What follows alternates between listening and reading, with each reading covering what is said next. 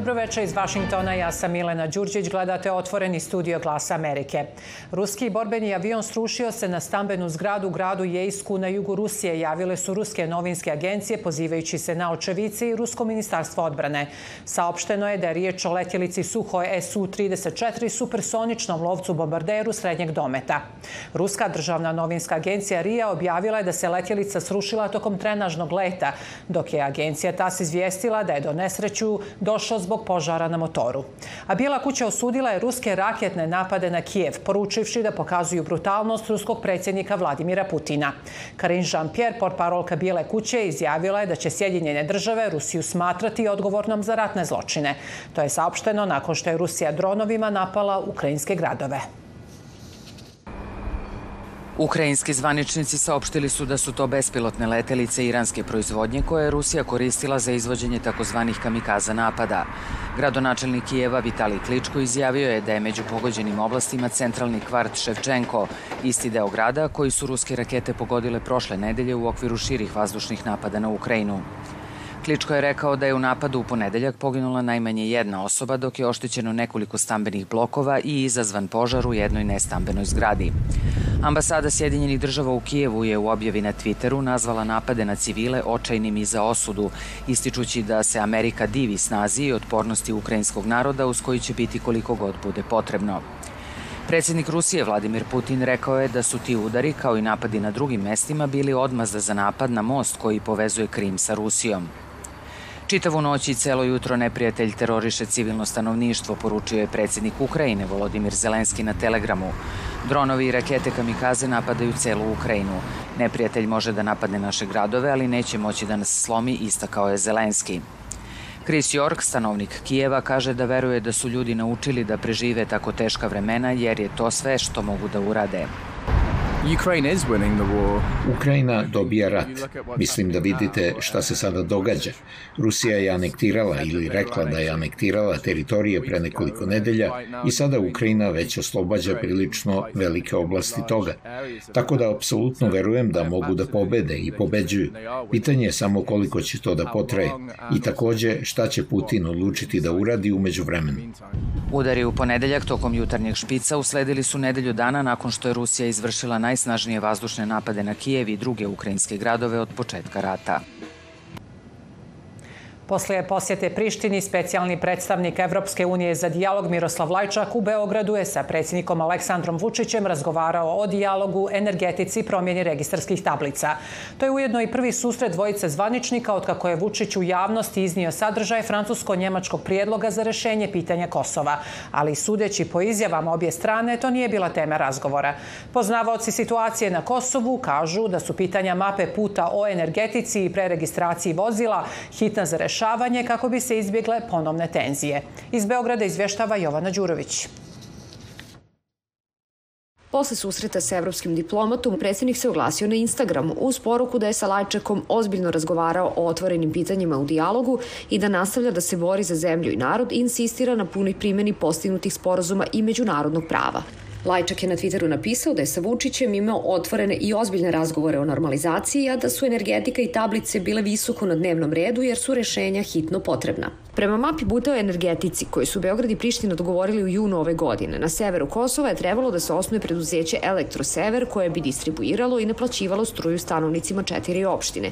Međutim, zbog neispunjenih obaveza u zadatim rokovima, Elektrosever može da izgubi licencu, što može dodatno da zakomplikuje stvari, kaže za glas Amerike Dragiša Mirčić. Vlada Kosova plaća račun za korisnike na severu Kosova i to iznosi negde oko 40 miliona eura godišnje. To je jako veliki izdatak za, za kosovsku vladu, za kosovski budžet i ona je tražila potpisivanje mape puta o energetici kako ne bi dalje plaćala taj, taj račun. Alternativa tome jeste da ukine snabdevanje električnom energijom korisnike na severu, a to bi praktično značilo jednu humanitarnu katastrofu, jednu bezbednostno političku, novu bezbednostno političku problematiku. Drugo akutno pitanje je promena tablica sa srpskim registarskim oznakama u tablice Republike Kosovo, za što je rok 1. novembar. Međutim, kako je ranije javio Radio Slobodna Evropa, dok početka oktobra preregistrovano je samo 8 vozila, dok se procenjuje da ih je oko 10.000.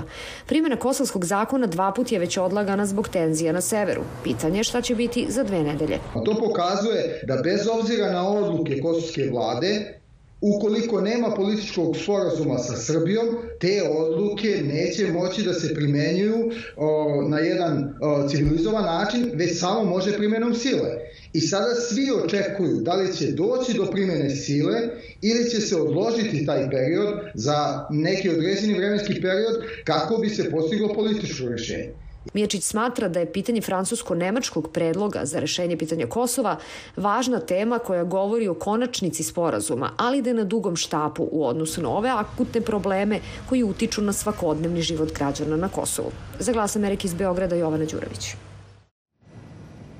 Iranska aktivistkinja za ljudska prava Pura na zemlji rekla je persijskom servisu Glas Amerike da su prema njenim izvorima vlasti u zatvoru Evin u Teheranu pucale na zatvorenike koji su bježali od vatre i dima tokom smrtonosnog požara u subotu.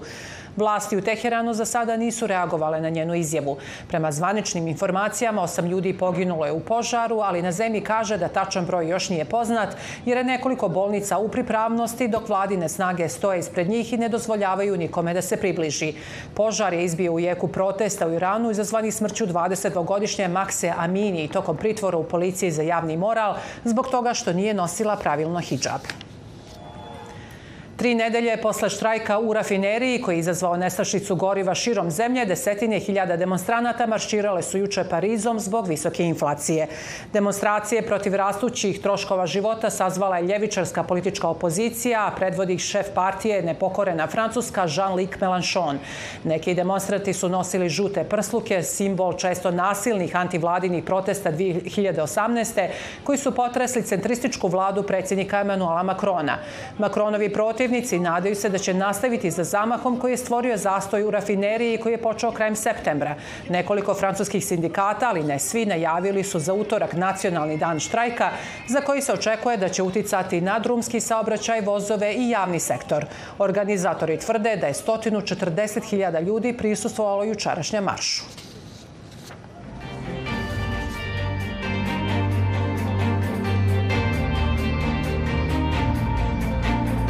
Demokrate u Američkom kongresu predložile su zakon o suspendovanju prodaje američkog oružja Saudijskoj Arabiji, nakon što je kraljevstvo stalo na stranu Rusije odlukom da smanji proizvodnju nafte na sastanku OPEC plusa, OPEC plusa. Bijela kuća navodi da je predsjednik Joe Biden otvoren za saradnju sa kongresom da bi se modifikovali odnosi sa Rijadom. OPEC Plus je prošle nedelje smanjio ciljeve u proizvodnji nafte za 2 miliona barela uprkos primjedbama Sjedinjenih država. Zbog toga neki članovi kongresa traže da se preduzmu stroge mere protiv lidera naftnog kartela Saudijske Arabije. Predsednik Biden je rekao da će tesno sarađivati sa kongresom na tom pitanju kada se kongresmeni i senatori vrate na Capitol Hill posle novembarskih izbora na sredini njegovog mandata. Reagovat ćemo na ponašanje Saudijske Arabije i održat ćemo konsultacije kada se vrate. Preduzet ćemo korake.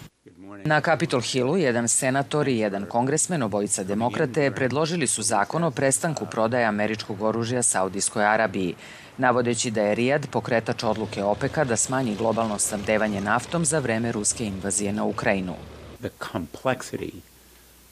Kompleksnost tih pitanja je veća od samo jedne odluke o nafti i predsednik je apsolutno u pravu da bude promišljen i oprezan.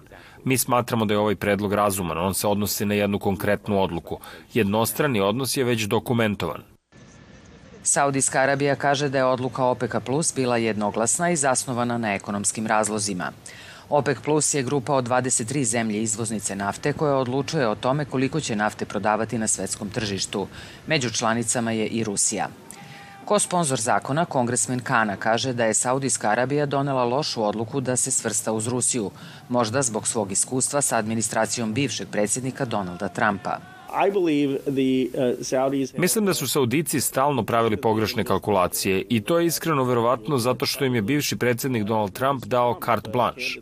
Predsednik Biden pokušava samo da stvari vrati u stanje neke ravnoteže.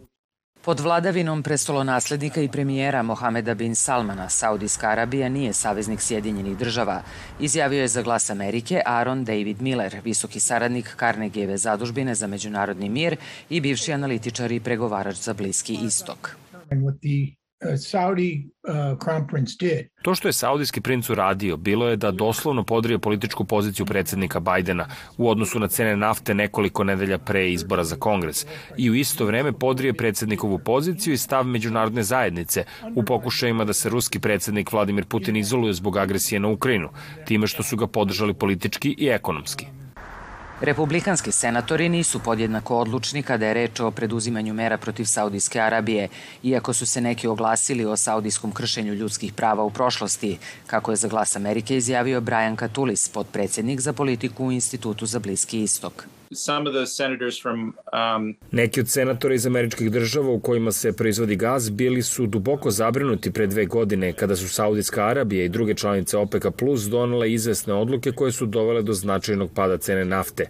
Mislim da je šira slika da sa dvostranačkog aspekta odnosi Sjedinjenih država i Saudijske Arabije nisu na stabilnim osnovama.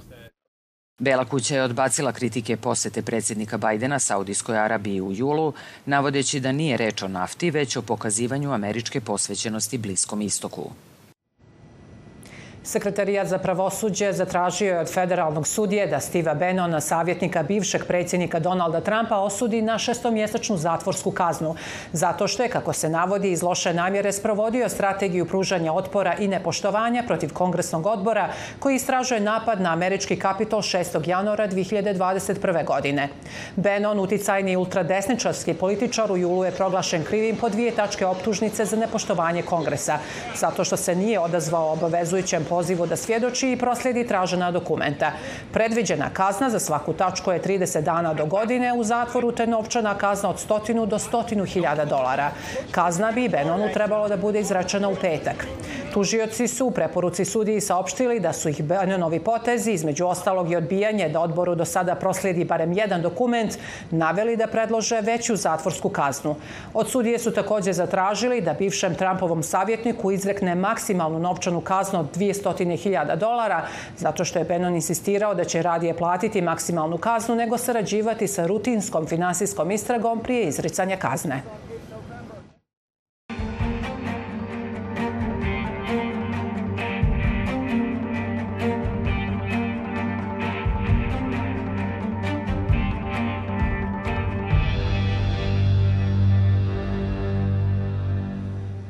Pojedini sportisti koriste GPS navigaciju na svojim pametnim uređajima da bi pratili svoje putanje za trčanje ili osmislili buduće rute. Neki od njih su te staze pretvorili u umjetnost na mapama gradova. Većina trkača razmišlja o tempu i razdaljini koju će preći. Lenny Mon se fokusira na oblik staze kojim će trčati. U suštini koristim ulice San Francisco kao platno, a svoj znoj kao četkicu na neki način. Širom sveta ljudi beleže svoje dnevne šetnje, pretrčane staze i vožnje biciklom, uređajima sa softverima za praćenje lokacije, koji se oslanjaju na GPS satelite koji kruže oko zemlje. Neki, kao što je Mon, svoje kretanje pretvaraju umetnost. Oni je nazivaju GPS umetnošću ili umetnošću trkača. Mon dizajnira svoje staze u jednoj neprekinutoj liniji. Gary Corderi, biciklista iz Britanije, prati ljude koji se bave GPS umetnošću širom sveta – Prošle godine bio je preplovljen crtežima na temu COVID-19. Ove godine tema je Ukrajina. Zamislite da pre nego što izađete da trčite, sednete i napravite skicu na mapi i rešite. Danas ću da trčim maraton, ali u obliku polarnog medveda. To je zaista jedna dodatna dimenzija. Jednomesečno, već sedam godina, Mon, koji je penzionisani radnik u IT sektoru, istrači jednu umetničku stazu. Ideje mu padaju na pamet dok gleda mapu San Franciska – Ponekad je potrebno do dva sata da osmisli putanju. Da bih proverio da neću naići na neke prepreke, zidove, litice, autoput ili ogradu. Prema Monovim rečima, korisno je to što je GPS tehnologija sve bolje u otkrivanju na kojoj strani ulice se nalazi, što pomaže kod detalja. Ali on nije perfekcionista. Znam kako želim da izgleda, ali kako će ispasti na kraju, nikad ne znam dok ne istrčim celu stazu. To je umetnost koja se oslanja na tehnologiju, pažljivo planiranje i maštu. Poštovani gledalci, to bi bilo sve za večeras u otvorenom studiju. Pratite nas i na internet stranici glasamerike.net i na društvenim mrežama. Prijatno večer želi vam ekipa Glasa Amerike u Vašingtonu.